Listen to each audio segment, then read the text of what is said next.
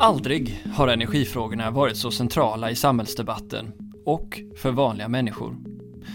Här på Energistrategipodden försöker vi komma förbi snuttifieringar av frågor i ett så komplext område som energi och jagar djupare förståelse för hur allt hänger ihop. Jag som delar resan heter Niklas Sigholm. Vad händer om vi får ett nätsammanbrott? Hur bygger vi marginaler i systemet och vilka verktyg behövs? Är vi beredda att betala för dem och har dagens situation gjort oss påminda om det? Idag träffar vi Maja Lundbäck, specialist hos NSOE, alltså SVKs paraplyorganisation i Europa. Och hon har blivit något av en expert inom systemsyn av elförsörjning. För när marginalerna blir allt mindre i elsystemet behöver vi förstå varför och hur vi hanterar det. Kul att ha er med! Ja, alltså ska vi börja så här. Vad, vad heter du och var jobbar du någonstans? Jag heter Maja Lundbäck och jag jobbar på NSOE i Bryssel. Och NSOE, vad är det för något? NSOE står för European Network of Transmission System Operators for Electricity och är då Europas eh, entitet som håller ihop alla systemansvariga för överföringssystemet i nästan hela Europa. Det är då i Sverige så är Svenska kraftnät representant eh, och sen så finns det då 41 stycken TSOer då som det heter, eller systemansvariga för överföringssystemen som är representerade i vår organisation. Vad är bakgrunden? Vem är Maja? Hur hamnade du här? Var, är, var kommer du ifrån? Ja, vem är Maja? Eh, jag började min karriär som eh, efter jag precis hade tagit civilingenjörsexamen i Uppsala universitet som civilingenjör i energisystem så hamnade jag av en slump på Strålsäkerhetsmyndigheten och, blev då, och jobbade då med åtgärder efter Fukushima framför allt och hur kärnkraftverk integrerar med elsystemen. Eh, och fick väl där min första insikt om hur elsystemet håller på att ändras för den här transformeringen som sker då. Efter några år där så hamnade jag på Svenska kraftnät där jag framförallt har jobbat med då riskkoncept och hur man kör systemet i alla möjliga och omöjliga tillstånd och hur vi ska utveckla elsystemet så att vi kan leverera en elförsörjning. Sen efter det så fick jag tillfälle att faktiskt byta bana nästan helt och hamnade ett par år på Försvarsmakten som chefsingenjör på Högkvarteret. Där jag fick se och verka i en miljö som kanske är en, en, en, av de viktigaste som behöver el i de allra, allra svåraste stunderna. Så det har varit väldigt givande som ingenjör framför allt att få ta del av det och få lära sig väldigt mycket om hur, hur en sån organisation fungerar när när samhället inte är på topp kan man väl säga. Ja, vi pratade om det lite innan faktiskt kan man ju avslöja att den här rollen som du har att titta på hur vi ska klara oss i lägen som kanske är de mest allvarliga. Den har ju kommit att bli något mer aktuell nu. Vad är, kan du ge en berättelse av hur det ser ut och hur kriget eh, påverkar oss som du ser det? Ja, eh, generellt sett när det är tuffa tider så nu börjar vi ju märka av elsystemet och det är ju tecken på att marginalerna har minskat, att marginalerna fortsätter minska och just nu ser vi ju ett väldigt stressat Europa då avseende just elförsörjning men även gas då som har varit mycket på tapeten och det är tuffa tider framöver. Hur det här kommer att gå är väldigt svårt att säga men förberedelser sker och det behöver ske koordinerat. Eh, så att man vet vilka som här reservåtgärder man ska kunna ta till då. Och här behöver ju alla TSOer se över vad man har, hur man kan hjälpas åt och vem som behöver mest hjälp då i olika tider under det kommande vintern men även nästa år. Då. Så det påverkar oss i väldigt stor utsträckning och nu har ju även det har ju gått så långt nu så att tredje man känner av det här väldigt mycket. Bland annat med höga elpriser då. Men det finns även de länder som inte har lika starka ekonomier som Sverige och e- Europa utan det finns ju andra länder i, som har ganska svaga ekonomier och de har ju redan nu svårigheter. Då. Så att vi ser ju att tittar man utåt sett över hela Europa så, så påverkar det här människors liv på ett väldigt allvarligt sätt. Ja, vår TSO, Svenska kraftnät, har ju gått, gick ut eh, för inte alls länge sedan och sa att risken för ja, roterande bortkoppling eller förbrukningsfrånkoppling är reell nu då. Eh, hur mycket av en realitet är det i Europa idag? Ja men den är ju liknande absolut och vi har till exempel meddelanden som har sett att delar av Kosovo till exempel har fått gått ut och gjort det här redan på grund av brist på, på energi och brist på el då framför allt. Och eh, den är liknande skulle jag säga i stora delar då. Det har ju varit ett ganska tufft år både avseende att vissa länder har svårt med, man har ganska låga vattennivåer i magasinerna. Eh, man har problem med vissa delar av Frankrikes kärnkraft och eh, det har varit mång, många stolpar in. Det är inte bara gasen som har gjort det här, eh, att man får de här kriserna Eh, som vi ser framför oss. Så risken är absolut reell och eh, det gäller att förbereda sig. Jag sa det tidigare i somras också, att man ska väl förbereda sig på det värsta och hoppas på det bästa. vi i Sverige har varit vana under väldigt lång tid att det systemet bara har levererat ju. Vi har ju varit i det läget med låga elpriser och en mer eller mindre 100% försörjning och leveranstrygghet. På vilket sätt har det påverkat hur vi ser på vårt system idag?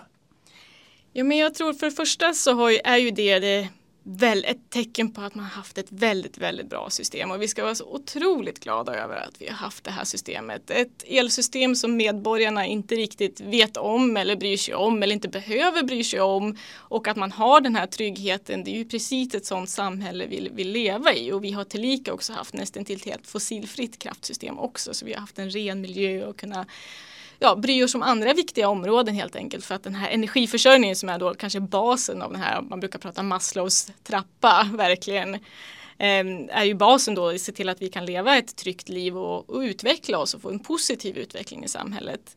Det har gjort väldigt mycket. Nu kanske vi har haft det under så lång tid så att vi kanske har till och med börjat tagit det lite för givet och att vi har levt lite för länge. Elsystemet det är inte bara det att vi behöver mer el i samhället utan många delar av vårt system är också gammalt och behöver ju renoveras, byggas om, byggas ut nytt och så vidare. Och här har vi ju också en, en skuld att ta tag i. Men det blir väl lätt så när man ser att man, man har någonting där och så tar man det lite för mycket för givet kanske. Och du som också har erfarenhet från den, det försvara, försvar, försvarets syn på det här med försörjning. Vad har hänt där i Sverige och hur ser kopplingen ut mellan elnätet och försvarets behov? Oj, ja, det är en väldigt stor fråga, men, men generellt sett kan vi prata om totalförsvaret då, och att vi har ett sådant koncept i Sverige och att all samhällsviktig verksamhet ska vi väl prata om, eh, där elförsörjningen är en väldigt central del, framförallt i Sverige. Då. Vi har ju elektrifierat väldigt mycket av våra viktiga samhällsfunktioner i landet och vi ska ju elektrifiera ännu mer i planen, både fordon och industrier ska ju in i det här systemet. Så det gör ju också att vi behöver rusta det här systemet att bli egentligen ännu, ännu bättre och egentligen ännu mer marginal än vad vi tidigare haft då, eftersom mer och mer av samhället hänger på det här.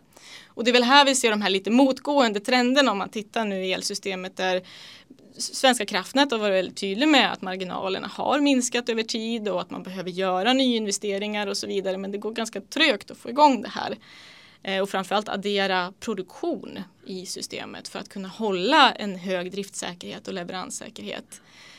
Ehm, så det är ju de kopplingarna som finns, att ju starkare samhälle vi har och det är ju bara att titta på Ukraina nu som lyckas upprätthålla mitt under brinnande krig, de har vattenförsörjning, elförsörjning och det här ger ju då en resiliens, en motståndskraft och man blir mycket mindre sårbar som samhälle om man lyckas med det här.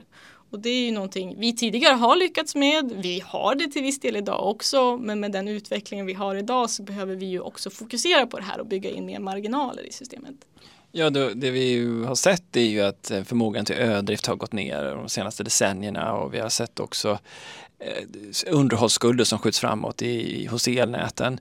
Min fråga här blir egentligen den, vad behövs det någonting eller har vi förstått vilken typ av förmåga vårt system ska klara av? Har vi, förstår vi det och har vi uttryckt det? Jag är lite tveksam på om vi, jag tror att vi har förstått behovet av att uttrycka det här och att vi behöver göra någonting och vad som behöver göras. Men för att komma till skott med vad som blir då tillräckligt mycket i det här och vad är tillräckligt bra och hur mycket ska vi bygga, vart ska vi bygga, när ska vi bygga och så vidare. Då behöver man faktiskt backa tillbaks lite tror jag och titta på hur designar man tekniskt komplexa samhällssystem i det här. Och här behöver man ju först och främst beskriva vilken typ av elförsörjning behöver vi. Du nämnde till exempel ödrift och så vidare. Och här kan man ju fråga sig då på någonting som jag skulle vilja se. Det är ju här att man har en definierat en självförsörjningsgrad och vad ska el, elförsörjningen, hur ska den se ut? Hur, hur ska vi förlita oss på den? Ska Sverige kunna göra som Ukraina till exempel? Ska vi kunna isolera oss och köra ett x antal en, en x antal dygn, veckor, månader själv till exempel. Det här kanske är någonting vi verkligen ska fundera på när vi har byggt in så mycket samhällsviktig verksamhet i det här systemet att det blir ännu viktigare. och att det vore bättre att prata om det här, eh, elförsörjningen, för då kommer vi som jobbar då med elmarknad, eh, utbyggnad av elnät, utbyggnad av elproduktion och så vidare lättare kunna bryta ner och, och bygga ett system som motsvarar förväntningarna. Vi pratade lite om det tidigare idag. Man, dagens eldebatt är lite som att om man skulle översätta det till en människokropp så är vi här och pratar om armar och ben till exempel. Men ingen pratar om nervsystemet och blodomloppet och att det här ska fungera utan vi vill väldigt gärna fokusera på vindkraft, kärnkraft och det det skulle vara lite som att ha en människokropp där vi fokuserar på att vi ska ha massa ben. Vi ska tillföra tre ben istället för två ben men vi har fortfarande inget fungerande blodomlopp och då har vi ju ingen fungerande människa som kan leva och må bra så att säga. Och när vi då pratar elsystemet här så vore det väl väldigt bra att prata så att vi får en hel elförsörjning så att alla delar av den här kroppen får plats och faktiskt kan fungera tillsammans. Så det du säger om jag förstår det är att om en politiker från oavsett vilken sida, eh, en gillar vindkraft, en gillar kärnkraft, så blir din fråga tillbaka, ja till vilket syfte och ändamål?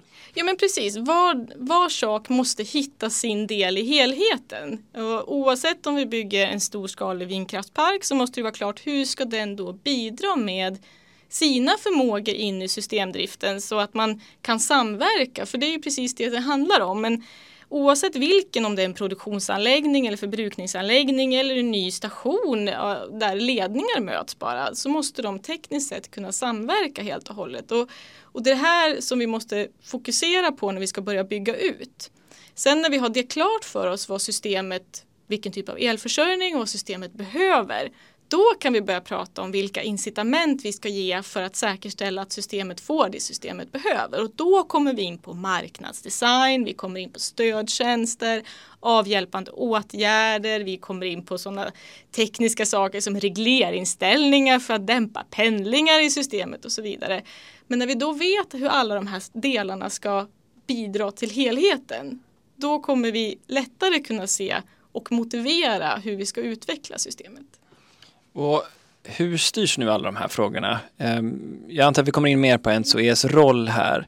Ehm, och du har ju nämnt, nej vi har inte, inte, inte nämnt någonting alls än, men kan du ge oss en, en, en, överblick över de olika paketen som har kommit och vad är det egentligen som, som styr hur den svenska eldesignen byggs upp?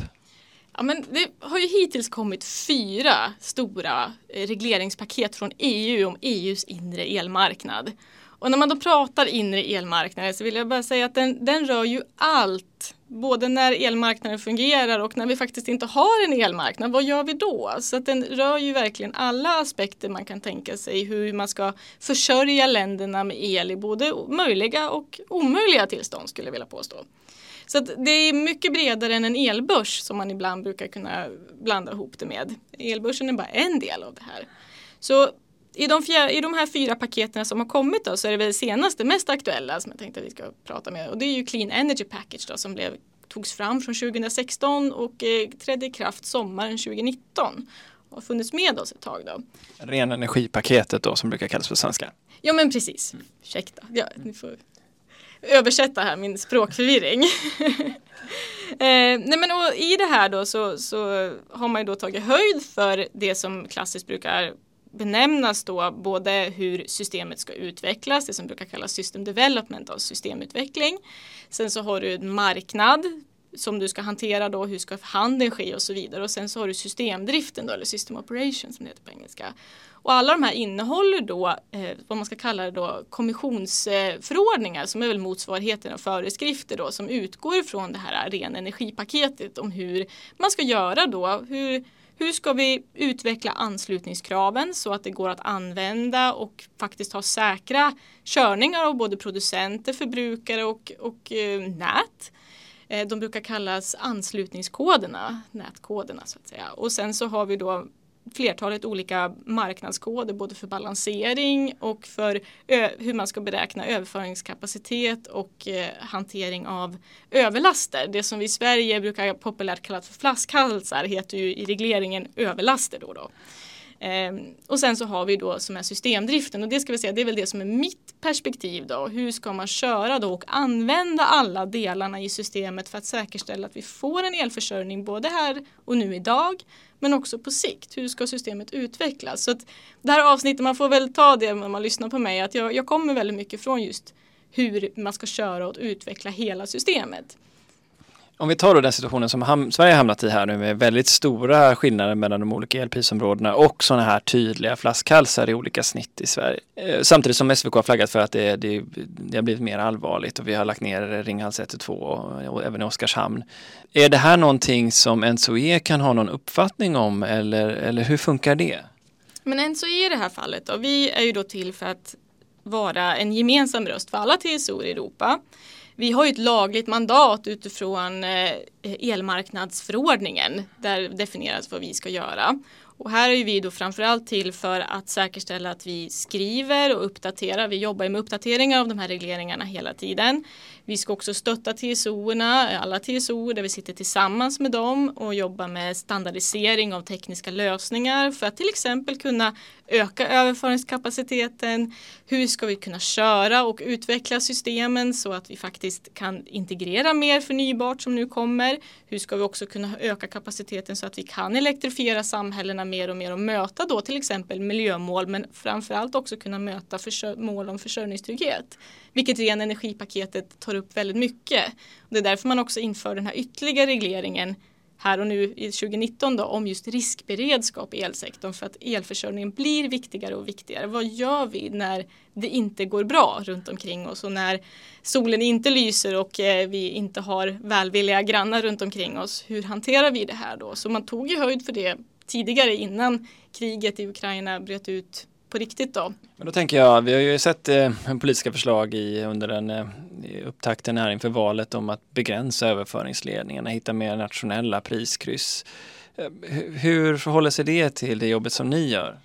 Ja, först och främst så vi jobbar ju då mycket utifrån systemets, vi säger jag nu, ja, men om man kollar på system operation då och hur det ska utvecklas så blir det ju då man måste då titta på hur man faktiskt kör ett elsystem och det gör man ju då genom att använda alla delar. Ett, ett elsystem består ju inte bara av nät utan elsystemet består av produktion och förbrukning och nät tillsammans.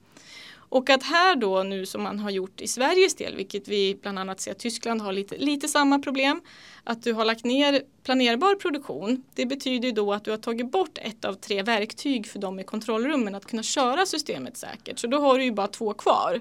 Nu överdriver jag lite, vi har ju faktiskt produktion kvar i södra Sverige, men ni förstår att det har minskat i antal så att säga.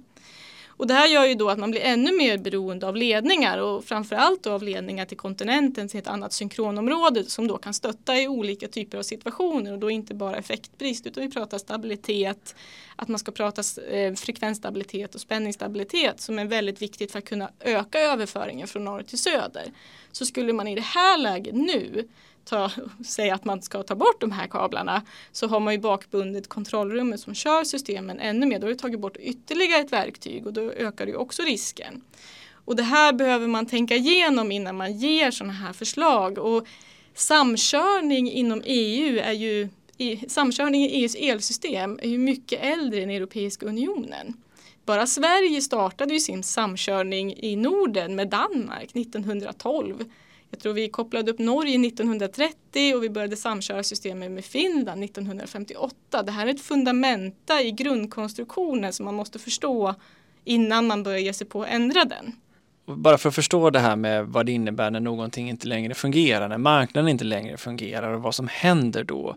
Skulle du kunna ta oss igenom en, en, en sån process och beskriva hur det går till?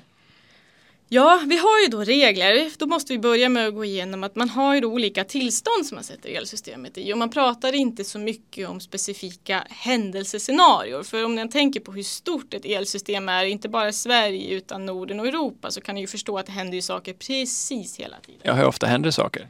Ja, flera hundra gånger per år händer det, ibland flera gånger om dagen. Det, det är helt eh, sporadiskt. Vad som helst, ta bara en sån sak som åska påverkar elsystemet väldigt mycket och försöka förutse det, det är ganska svårt kan man säga. Så vi tittar istället på tillstånd och då brukar man prata om fem tillstånd i elsystemet. Och då har vi ju normaltillståndet och det är här vi har varit lyckliga nog och varit i väldigt, väldigt nästan jämnt för att vi har haft ett så bra elsystem i Sverige och Norden framförallt. Eh, men du har ju också fyra övriga tillstånd och de här speglas ju till exempel när du ska bygga en ny anläggning så ska man kunna bidra med alla eh, förmågor i alla tillstånd. Då. Och då pratar man om stördrift och du har hamnat utanför. Då har du lite mindre marginaler. Sen så har vi ju då nöddrift. Då, då är det svårt. Då har vi liksom inga mer verktyg att ta till än att börja Sista steget i nödrift är ju att koppla bort förbrukare med tvång. Så jag skulle vilja säga när man börjar komma in då när marknaden då börjar, det börjar bli trångt här, vi brukar få slut på verktyg och köra systemet. Det som är väldigt bra att skilja på här det är att så länge vi har hyfsade marginaler då använder man kontrakterade eller upphandlade resurser i form av stödtjänster och så vidare, det man pratar om varje dag. Men när det blir riktigt, riktigt allvarligt då måste man ju tvinga bort någon och när det är då sista steget innan ett nätsammanbrott till exempel, då tvingar man ju bort förbrukare och då gör man ju ganska stora ingrepp i marknaden. Och det här är ju någonting som vi aldrig har gjort i Sverige och jag vet egentligen inte vilka andra länder som har gjort det. Inte ens, vi hade en systemsplitt här i Europa januari 2021 och inte ens då vidtog man åtgärden att tvinga bort förbrukare utan det var kontrakterade förbrukare som, som kopplades bort då. Bara för att repetera här, vi har tagit en normaltillståndet, vi har tagit stördrift. Och nu är vi på tvingande åtgärder i nöddrift. Just det. Men, men vi har ju värre situation. Det är ännu värre, men nöddrift hamnade vi där i, i Baltikum här och senast när de nådde ett pristak? Nej. Eh, det vet jag faktiskt inte. Jag har inte sett analyserna från baltiska T-zonerna så jag kan inte säga det. Men där börjar man ju närma sig tvingande bortkopplingar. Eh, så. Och när man har då på marknaden när det inte riktigt räcker till så har man då avkortning heter det på svenska. Eh, curtailment tror jag vi säger på engelska. Och då, det är väl inte likställt med det riktigt utan då ska vi säga att då har det hänt värre saker när man börjar ta dem. Men, men visst, man börjar närma sig. När det inte blir ett priskryss så tummar du ju till slut och går ju till exempel alla reserver och allting för att säkerställa. Så att det är en varning. Höga elpriser är ju också en varning på att elen inte kommer, ja att det finns mindre el att tillgå helt enkelt. Så för att gå tillbaka till din liknelse om kroppen, när då börjar cirkulationen ge upp eller patienten slutar andas eller någon sån? Nej, det, när den börjar sluta andas då har vi nog hamnat i nätsammanbrott. Okay. Skulle jag tro. Då är vi i steg nummer fyra. Då, då någonstans, då är det dags att hålla på med livräddande åtgärder. Men i nöddrift då är det dags att då, då är det då ska man rädda systemet och då får vissa delar gå. Du kanske tar bort ett finger eller något sånt eller offrar någonting lite mindre som inte är så viktigt men för att hela systemet ska gå ihop då. Och i, men i det fjärde tillståndet som heter nätsammanbrott, då, då börjar de riktiga stora delarna, pulsorden och så vidare, då, då har du en ganska stor frånkoppling. Jag tror att gränsen har kopplat bort 50% av förbrukarna eller om de har tappat försörjning av el, då är du i nätsammanbrott. Så därför ska du då återgå till återuppbyggnadstillståndet som är 50 och sista och då har väl eh, livsuppehållande åtgärder påbörjats så att du kan återgå till att börja andas och fungera och ju bättre du ju bättre du kommer att må, till slut kommer du vara tillbaka i normal drift och då är du väl helt frisk igen om man ska göra analog, analogin till en kropp. Och i elförsörjningens värld då, då har väl marknaden återställts och allting kommer fungera igen och man kommer klara sina, man har reserver till exempel och klara sina vanliga felfall och man kan släppa på ganska mycket kapacitet. Och du är inom dina driftsäkerhetsgränser så då är du ju tillbaks i normaldrift.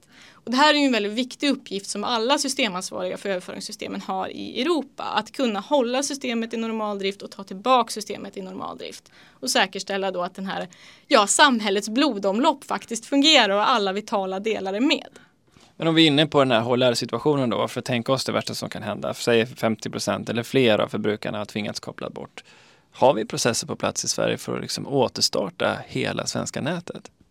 Ja, det finns processer, absolut. Det gör det. Och, och, det finns ganska omfattande regleringar i det här och det här är ju upp till varje medlemsland att, eh, att eh, ta upp de här då och säkerställa att de fungerar och så vidare. Men har du minskande marginaler så som man ser då är det ju svårare att få det här att fungera. Och eh, ju, ju mer marginaler du har och ju mer verktyg du har då i form av produktion, nät och förbrukning i ett område desto lättare kommer du ha att göra det här.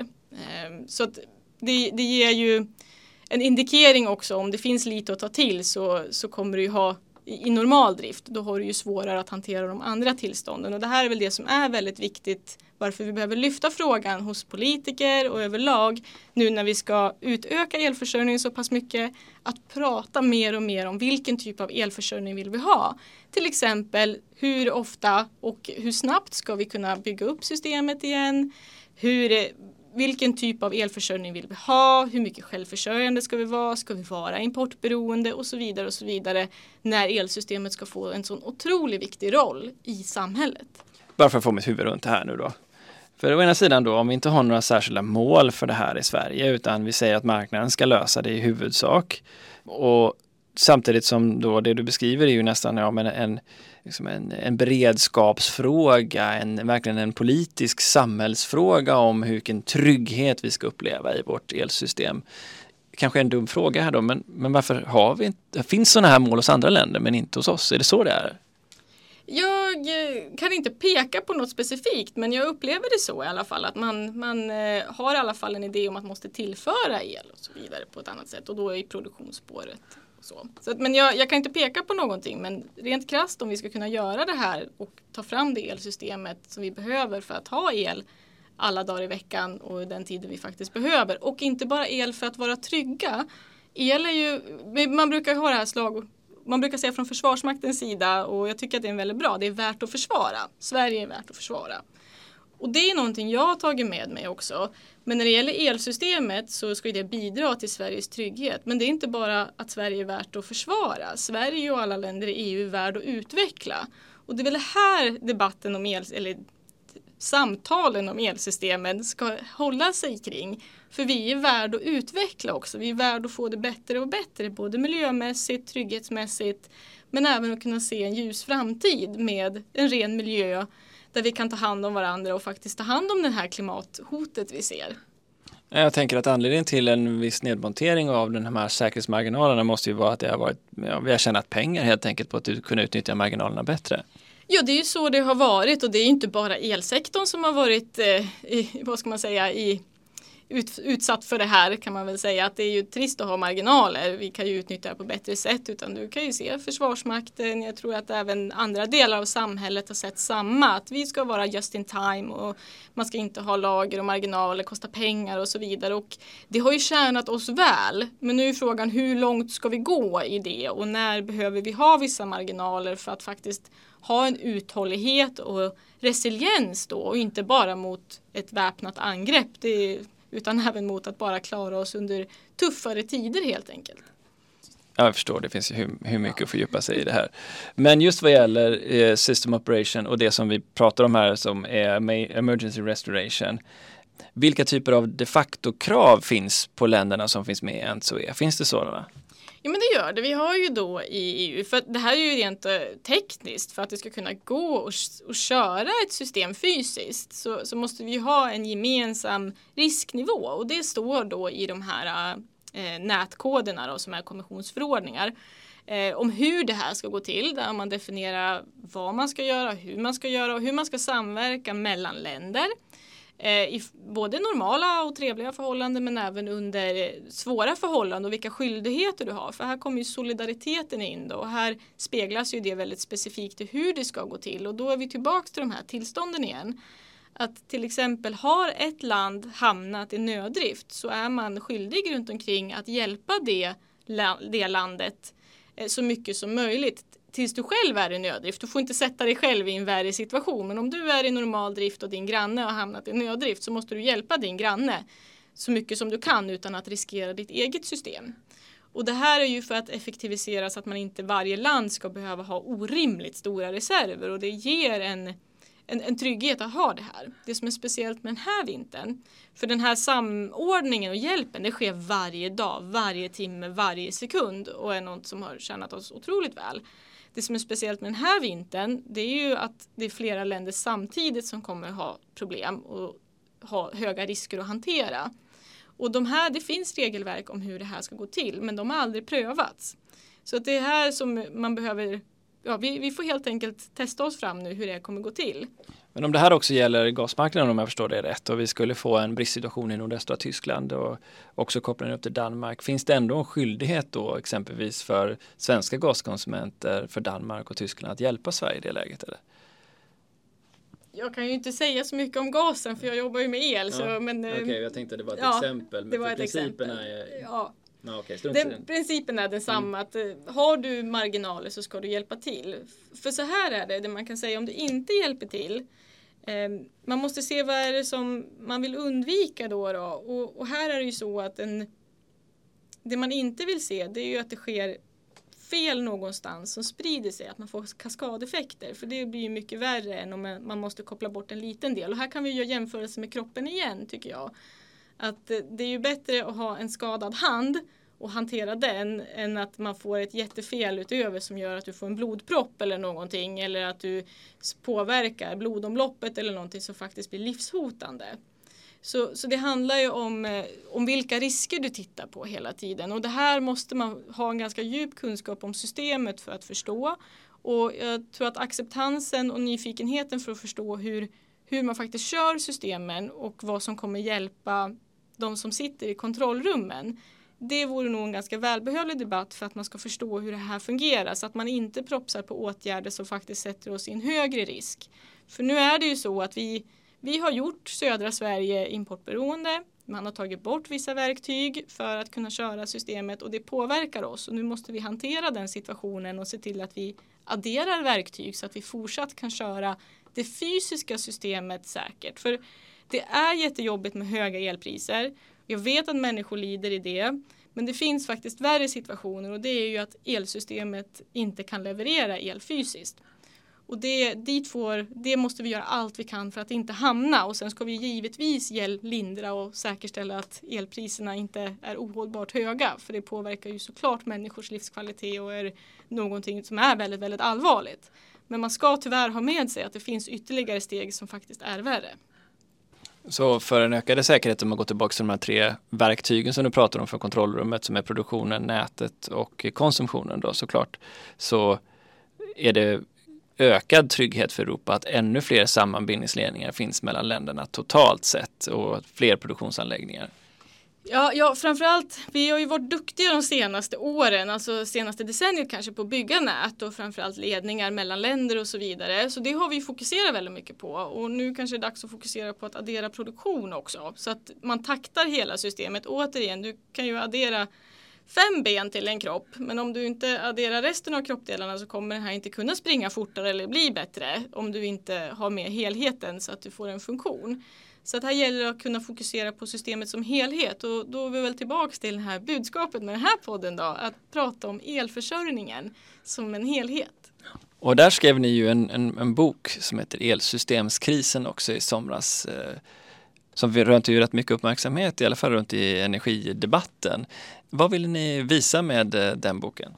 Ja, först och främst så tänker inte jag ta åt mig någon ära för att ha skrivit den. Jag, jag har medverkat som en av flera experter och jag är jättestolt att få vara med i en bok som, som eh, så många andra duktiga människor har bidragit till. Och varför jag valde att vara med i den boken det är ju för att skapa ett språk. För som vi sa, att kunna höja och kunna förstå systemet så att vi faktiskt kan få faktabaserade beslut så att vi får beslut som ger det tillskottet vi faktiskt behöver och vill ha elsystemet. Vi kan ta den här debatten som har varit om, om att bygga ledningar för att lösa bristen på överföringskapacitet. Och här vill man ju då till exempel att har man ju då sagt att ledningar kommer att lösa det problemet med att man kan, föra, man kan addera fler ledningar så kommer du kunna föra över mer energi från norr till söder. Och istället för att ha kärnkraftsproduktion eller annan produktion i södra Sverige. Och det här är ju väldigt orättvist mot elledningarna för de har ju inga fysikaliska egenskaper, eller inga, men ganska få liknande fysikaliska egenskaper som en kraftproducent har. Och att lägga den bördan på elledningar och sen också säga att det här kommer lösa problemet, det blir ju väldigt snett för det kostar väldigt mycket pengar. Vi pratar om vår säkerhet och vår möjlighet till utveckling i landet. Och här är det väldigt, väldigt viktigt att vi använder systemets resurser och eh, pengar på så effektivt sätt som möjligt så att vi får tillbaks ett väldigt bra elsystem som är tryggt, säkert och har marginaler för vårt samhälle att utvecklas. Så man kan inte bara bygga skelett, alltså det behöver omgärdas av muskler då om produktionen får stå för det. Ja, precis. Och tillsammans ger ju de här blodomlopp med nervsystem som fungerar. Så tror jag man analogin kan gå när de kan samverka tillsammans då. Att de också är på rätt ställen. Ingen, vi tycker ju om att ha armarna som sitter fast i en axel till exempel och inte en arm som sitter fast i ett knä. Det är ju väldigt bra om man har den geografiska aspekten också på det här så att det faktiskt fungerar. Och det är ju då viktigt varför vi bidrog med den här boken eller när jag fick frågan att vara med i den eh, så, så har det ju varit som statstjänsteman viktigt för mig att ja, men vi sitter här och har kunskap och då är det väldigt viktigt också nu när det här har blivit ett hett ämne det är, ju, det är lite dubbelt det här med att det är ett hett ämne med självförsörjningsgrad, elsystemet och så vidare. Jättekul att det är uppe på tapeten och att människor nu engagerar sig i det här. Men anledningen till att vi engagerar oss i det här är ju också tråkigt för det har ju kommit så långt nu så att människor lider av höga elpriser. Vi ser också utanför Sverige att man, man har väldigt svårt. Och, så, så det är ju både och. Vi, vi vill ju ha ett elsystem som bara finns där och finns till för oss som vi inte märker av egentligen. Men, men nu när vi är här då är det ju väldigt viktigt att sprida kunskap och det har ju du själv jobbat väldigt mycket med i den här podden. Så det är väl ungefär samma syfte som varför du har den här podden. Om eh, man blickar framåt nu då så är det ändå så att i ja, de flesta scenarioanalyser i Sverige, så över Norden och över Europa så ökar den eh, delen av variabel kraft som andel av den totala produktionen i systemet eh, mer. Vilket också ställer krav på efterfrågans flexibilitet och annat. Hur, hur, eh, hur fungerar det där i relation till systemstabilitet och vad ser, vad ser ni på NSOE?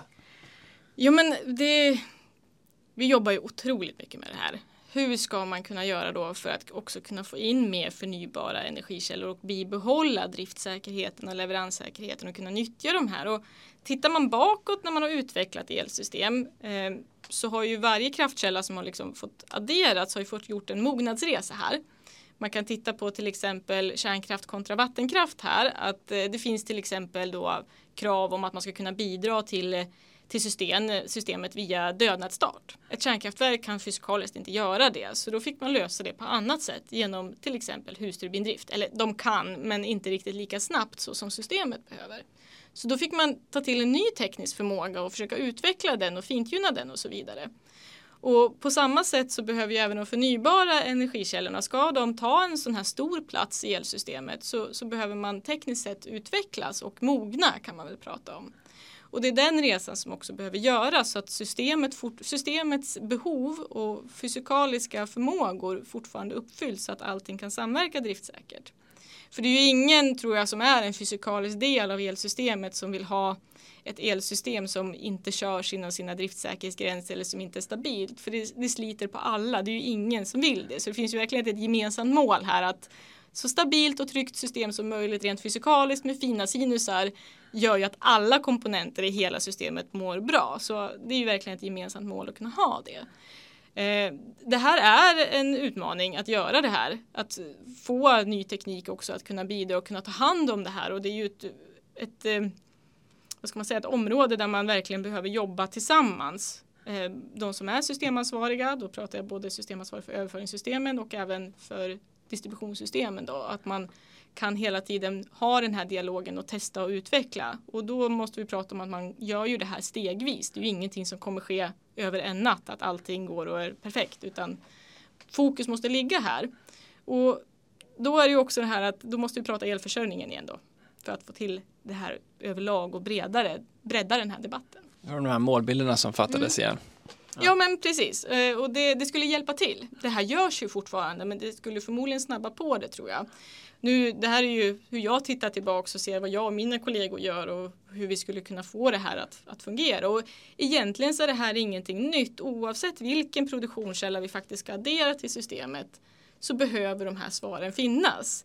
Hur ska den användas? Hur, vilka förmågor ska den bidra med till systemet? När ska den bidra och hur kommer den att påverka systemet över sin livslängd? För det finns ingen kraftkälla eller kraftproducent eller förbrukningsanläggning som inte påverkar systemet på både positivt och negativt sätt. Det handlar ju bara om hur det används. Något som också varit uppe i debatten har ju varit en av vindkraftens bidrag eller kostnad till systemet apropå ja, kanske dels var den ligger och vilket nät man behöver bygga dit men också dess, dess eh, variation i sitt produktionsmönster. Ehm, vilka krav, eller för att först få reda ut vad som gäller, vilka krav ställer det energipaketet på nya vindkraftproducenter? Ja, vi har ju nu det som kallas då RFG ehm, brukar förkortas tror jag. Det är väl requirement for generators som är då krav för anslutande generatorer och här gör man ju då skillnad på inte på vilket typ av kraftslag du är riktigt utan man gör mer skillnad på hur stor du är. Och då har vi den här som jag brukar säga Bamse-teorin. Ju större du är, desto snällare är du och då måste du bidra mer till systemet.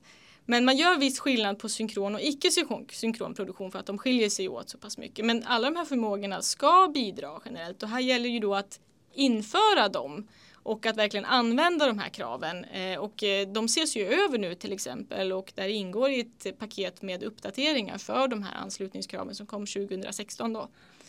Okej, okay, så eh, en ny anläggning oavsett vad det är för produktionskälla ska bidra. Och när vi har pratat här tidigare har du nämnt att vi ska vara fina sinuskurvor. Om vi börjar där, om vi skulle försöka förklara i enkla termer vad som är fin el och vad som är ful el, något som ni också tar upp i boken. Hur skulle du sätta ord på det?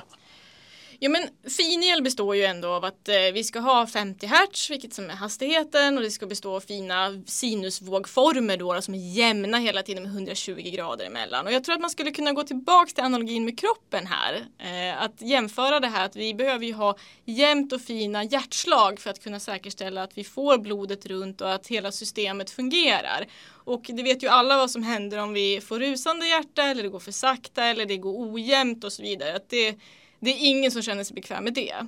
Så därför är det väldigt, väldigt viktigt att vi håller ihop de här sinusvågorna så att de faktiskt är jämna och fina hela tiden.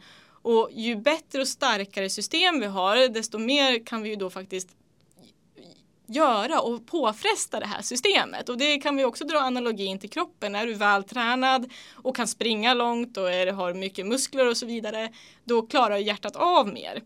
Och, och, det är det här som vi behöver också överföra till elsystemet och varför det är så viktigt. För har vi inte det här då riskerar vi ju faktiskt att ha sönder saker. Vi riskerar också att, kanske mest riskerar att eh, trötta ut eh, anläggningar och delar av systemet för att man mår inte bra när man får ligga och jobba fel och det, det gör ju inte ett hjärta heller i kroppen. Ja, vilken härlig analogi det blev.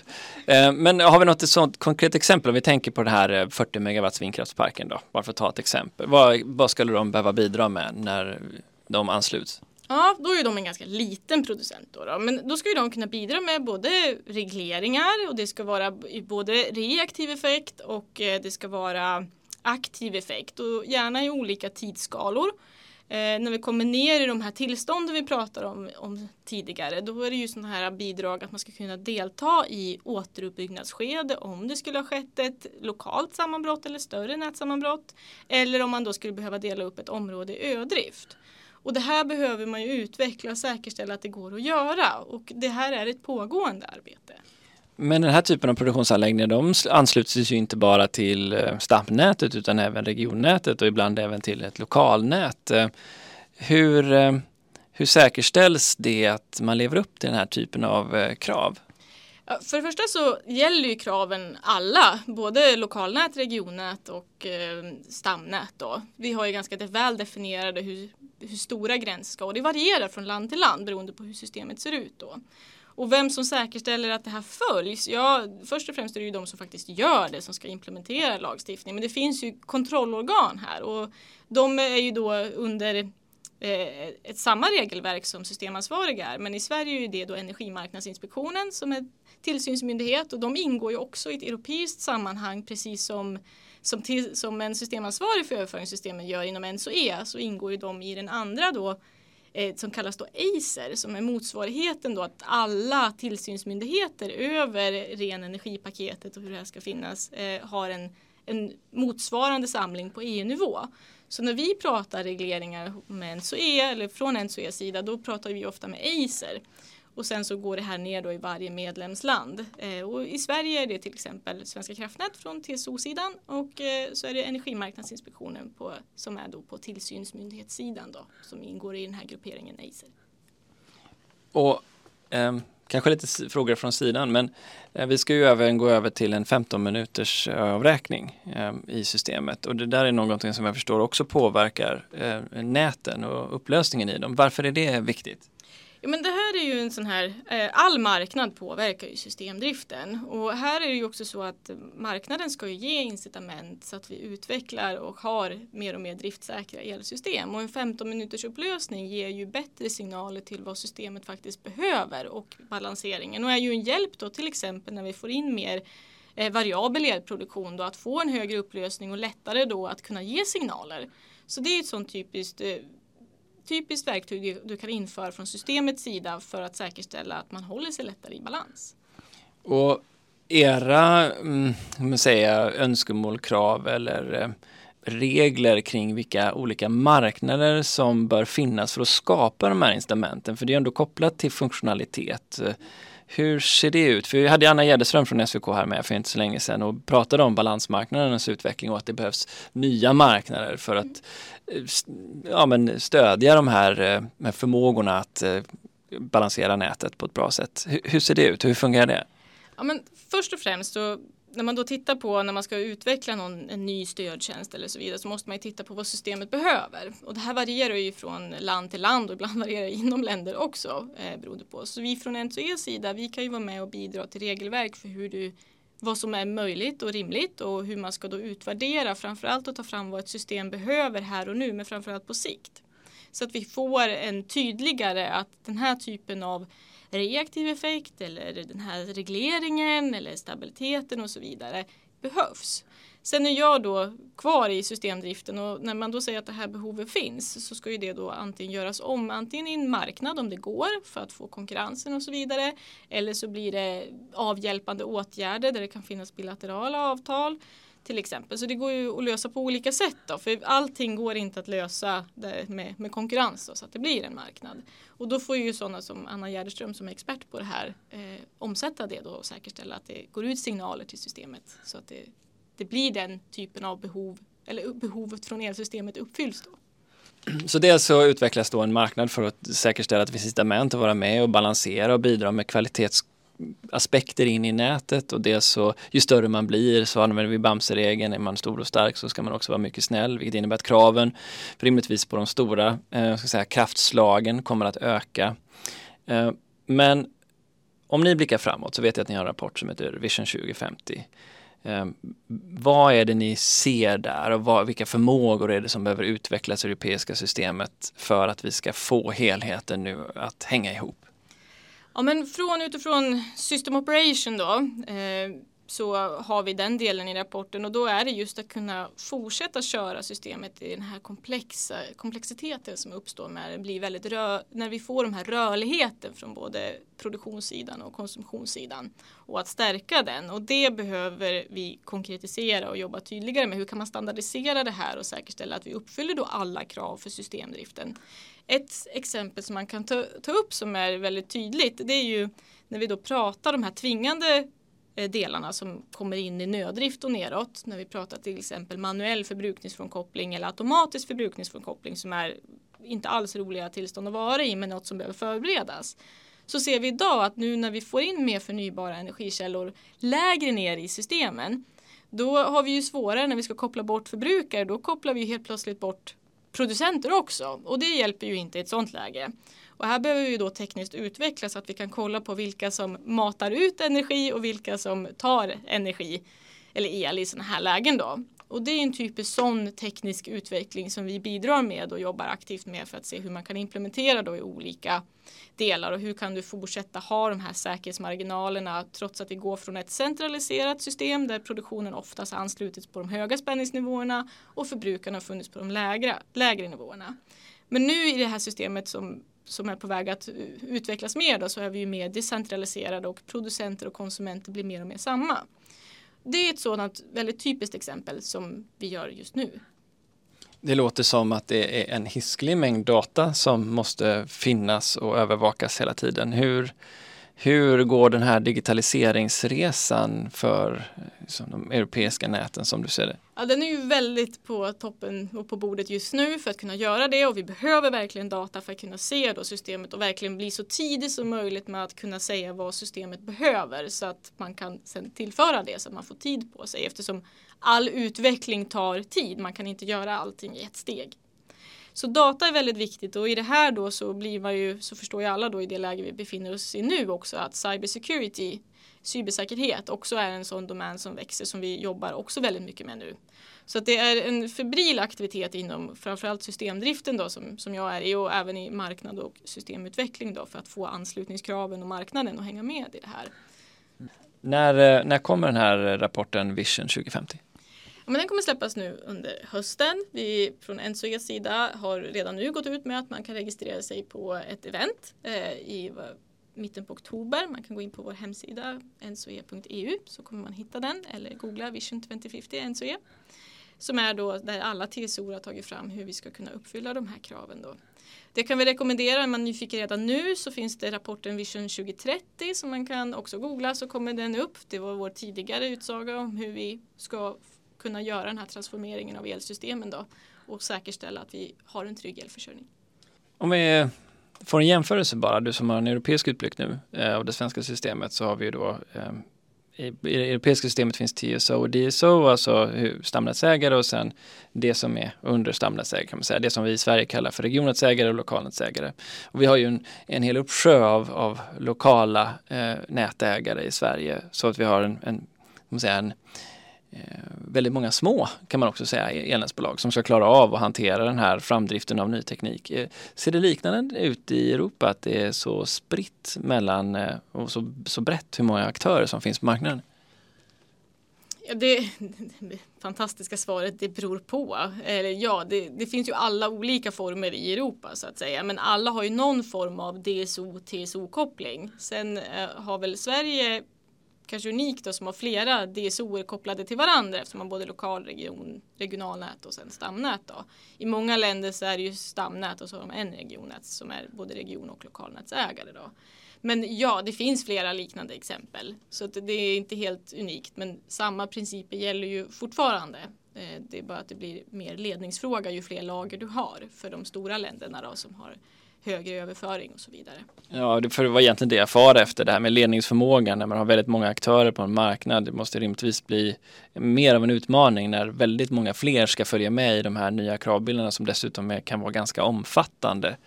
Jo men absolut. Och här blir ju då transparens ännu viktigare och samverkan ännu viktigare. Och det här har väl också förtydligats i ren energipaketet hur viktigt det är med samverkan mellan TSO och DSO till exempel. Och transparensen i hur systemet utvecklas, systemets behov. Och det är, ju, det är väldigt viktigt för att kunna klara det här så att alla förstår sin egen del i den här kroppen då så att man gör det man ska. Och att eh, det här är ju någonting vi i Europa överlag tror jag inte har gjort på så länge för vi har ju haft väldigt bra elsystem. Det är ju inte bara Sverige som har varit väldigt bekväm med sitt energisystem utan det har ju stora delar av övriga Europa vara också. Så att det här är ju, vad ska man säga, vi har lite träningsverk nu när det gäller samverkan tror jag. Så den, förhoppningsvis kommer den gå över och nu på EU-nivå har man ju skapat den här en, DSO Entity också för att samla regionnät och lokalnätsägare så att de också blir tydligare med i det här och det var ju också nytt från ren energipaketet. Det fanns inte med från de tidigare och det tror jag är väldigt bra så att man eh, hamnar med i den här loopen från början när man ska utveckla krav och så vidare och det utökar och ger tydliga signaler att från alla nivåer måste samverkan ske mellan aktörer i systemen. Okej, vi backar tillbaka till början av den här intervjun där vi tog utblicken mot kriget som liksom utgångspunkt och det är det allvarliga läget som vissa länder i Europa redan börjar befinna sig i eller i dess närhet i alla fall. Hur optimistisk är du att Europa löser det här? Vad är din personliga liksom, reflektion kring läget som vi är i nu? Du har ändå varit nere i Bryssel i sex månader, kommit från Sverige och ser nu den europeiska kontexten. Har vad jag förstår det ibland även kontakt med den ukrainska motsvarigheten för att för, och, och ser hur de har det. Vad, vad går genom ditt huvud på när du jobbar med de här frågorna? Ja, att vi måste klara det. Det finns inget annat alternativ. Och det är en ganska trygghet. Det låter kanske väldigt krast, men det är en väldigt trygghet att vi måste klara det här. Ehm, och det kommer vi att göra för de andra alternativen är inte ett alternativ. Och när man då tittar Ehm, för de som inte vet det så integrerades Ukraina och Moldavien i Centraleuropa. Ehm, NSOE består ju av flera olika synkronområden. Vi har, Nord vi har Irland och Nordirland och så har vi ju Norden då som vi känner väl till, Baltikum och Centraleuropa. Och här i våras så gjorde man en snabb synkronisering av Ukraina och Moldavien in i det centraleuropeiska systemet för att de inte skulle behöva vara direkt uppkopplade och synkront beroende av Ryssland. Eh, det här är pågående arbete och planen var ju att de skulle ha gjort det 2023 men nu forcerade man in det för att säkerställa Ukrainas trygghet och solidaritet i det här. Och det är väldigt eh, Ja, det, det, visar ju också på styrkan som finns att vi kan göra det här och att använda det vi har och, och verkligen stärka oss. Och nu ser vi också hur väl det gick, vilket fantastiskt tillskott det har varit för, för vårt system. Då. Så att jag, jag säger att vi måste klara det här och eh, när jag, i alla fall där jag befinner mig så är det stort fokus på hur åtgärder ska gå till. Ehm, det som är ändå det är ju allvarligheten i det här och att människor lider och frågan är hur snabbt vi kan ta oss ifrån det här. Men vi kommer att på ett eller annat sätt klara det såklart och jag tror att vi så som jag som har jobbat med det här i många, många år då, att hantera svårigheter i ett elsystem. Vi kommer ju nu få pröva en hel del som vi har tänkt på och som vi har förberett oss och vi kommer lära oss och vi är redo för att göra det. Och det kommer att gynna oss väl nu när vi tyvärr är i den situationen vi är. Det är lite märkligt att jobba med delar som man hoppas på aldrig någonsin ska användas. Men nu sitter vi ju där vi sitter och måste göra det bästa av det. Och det, det upplever jag i alla fall att från vårt håll är vi redo. Tack så mycket för att du var med i Energistrategipodden. Tack snälla för att jag fick komma. Vi fortsätter vårt fokus på de aktuella frågorna som har vi kompetens att energieffektivisera Sverige och hur bygger vi ut nätet i tillräcklig takt? Snart i en energistrategipodd nära dig. Vi hörs!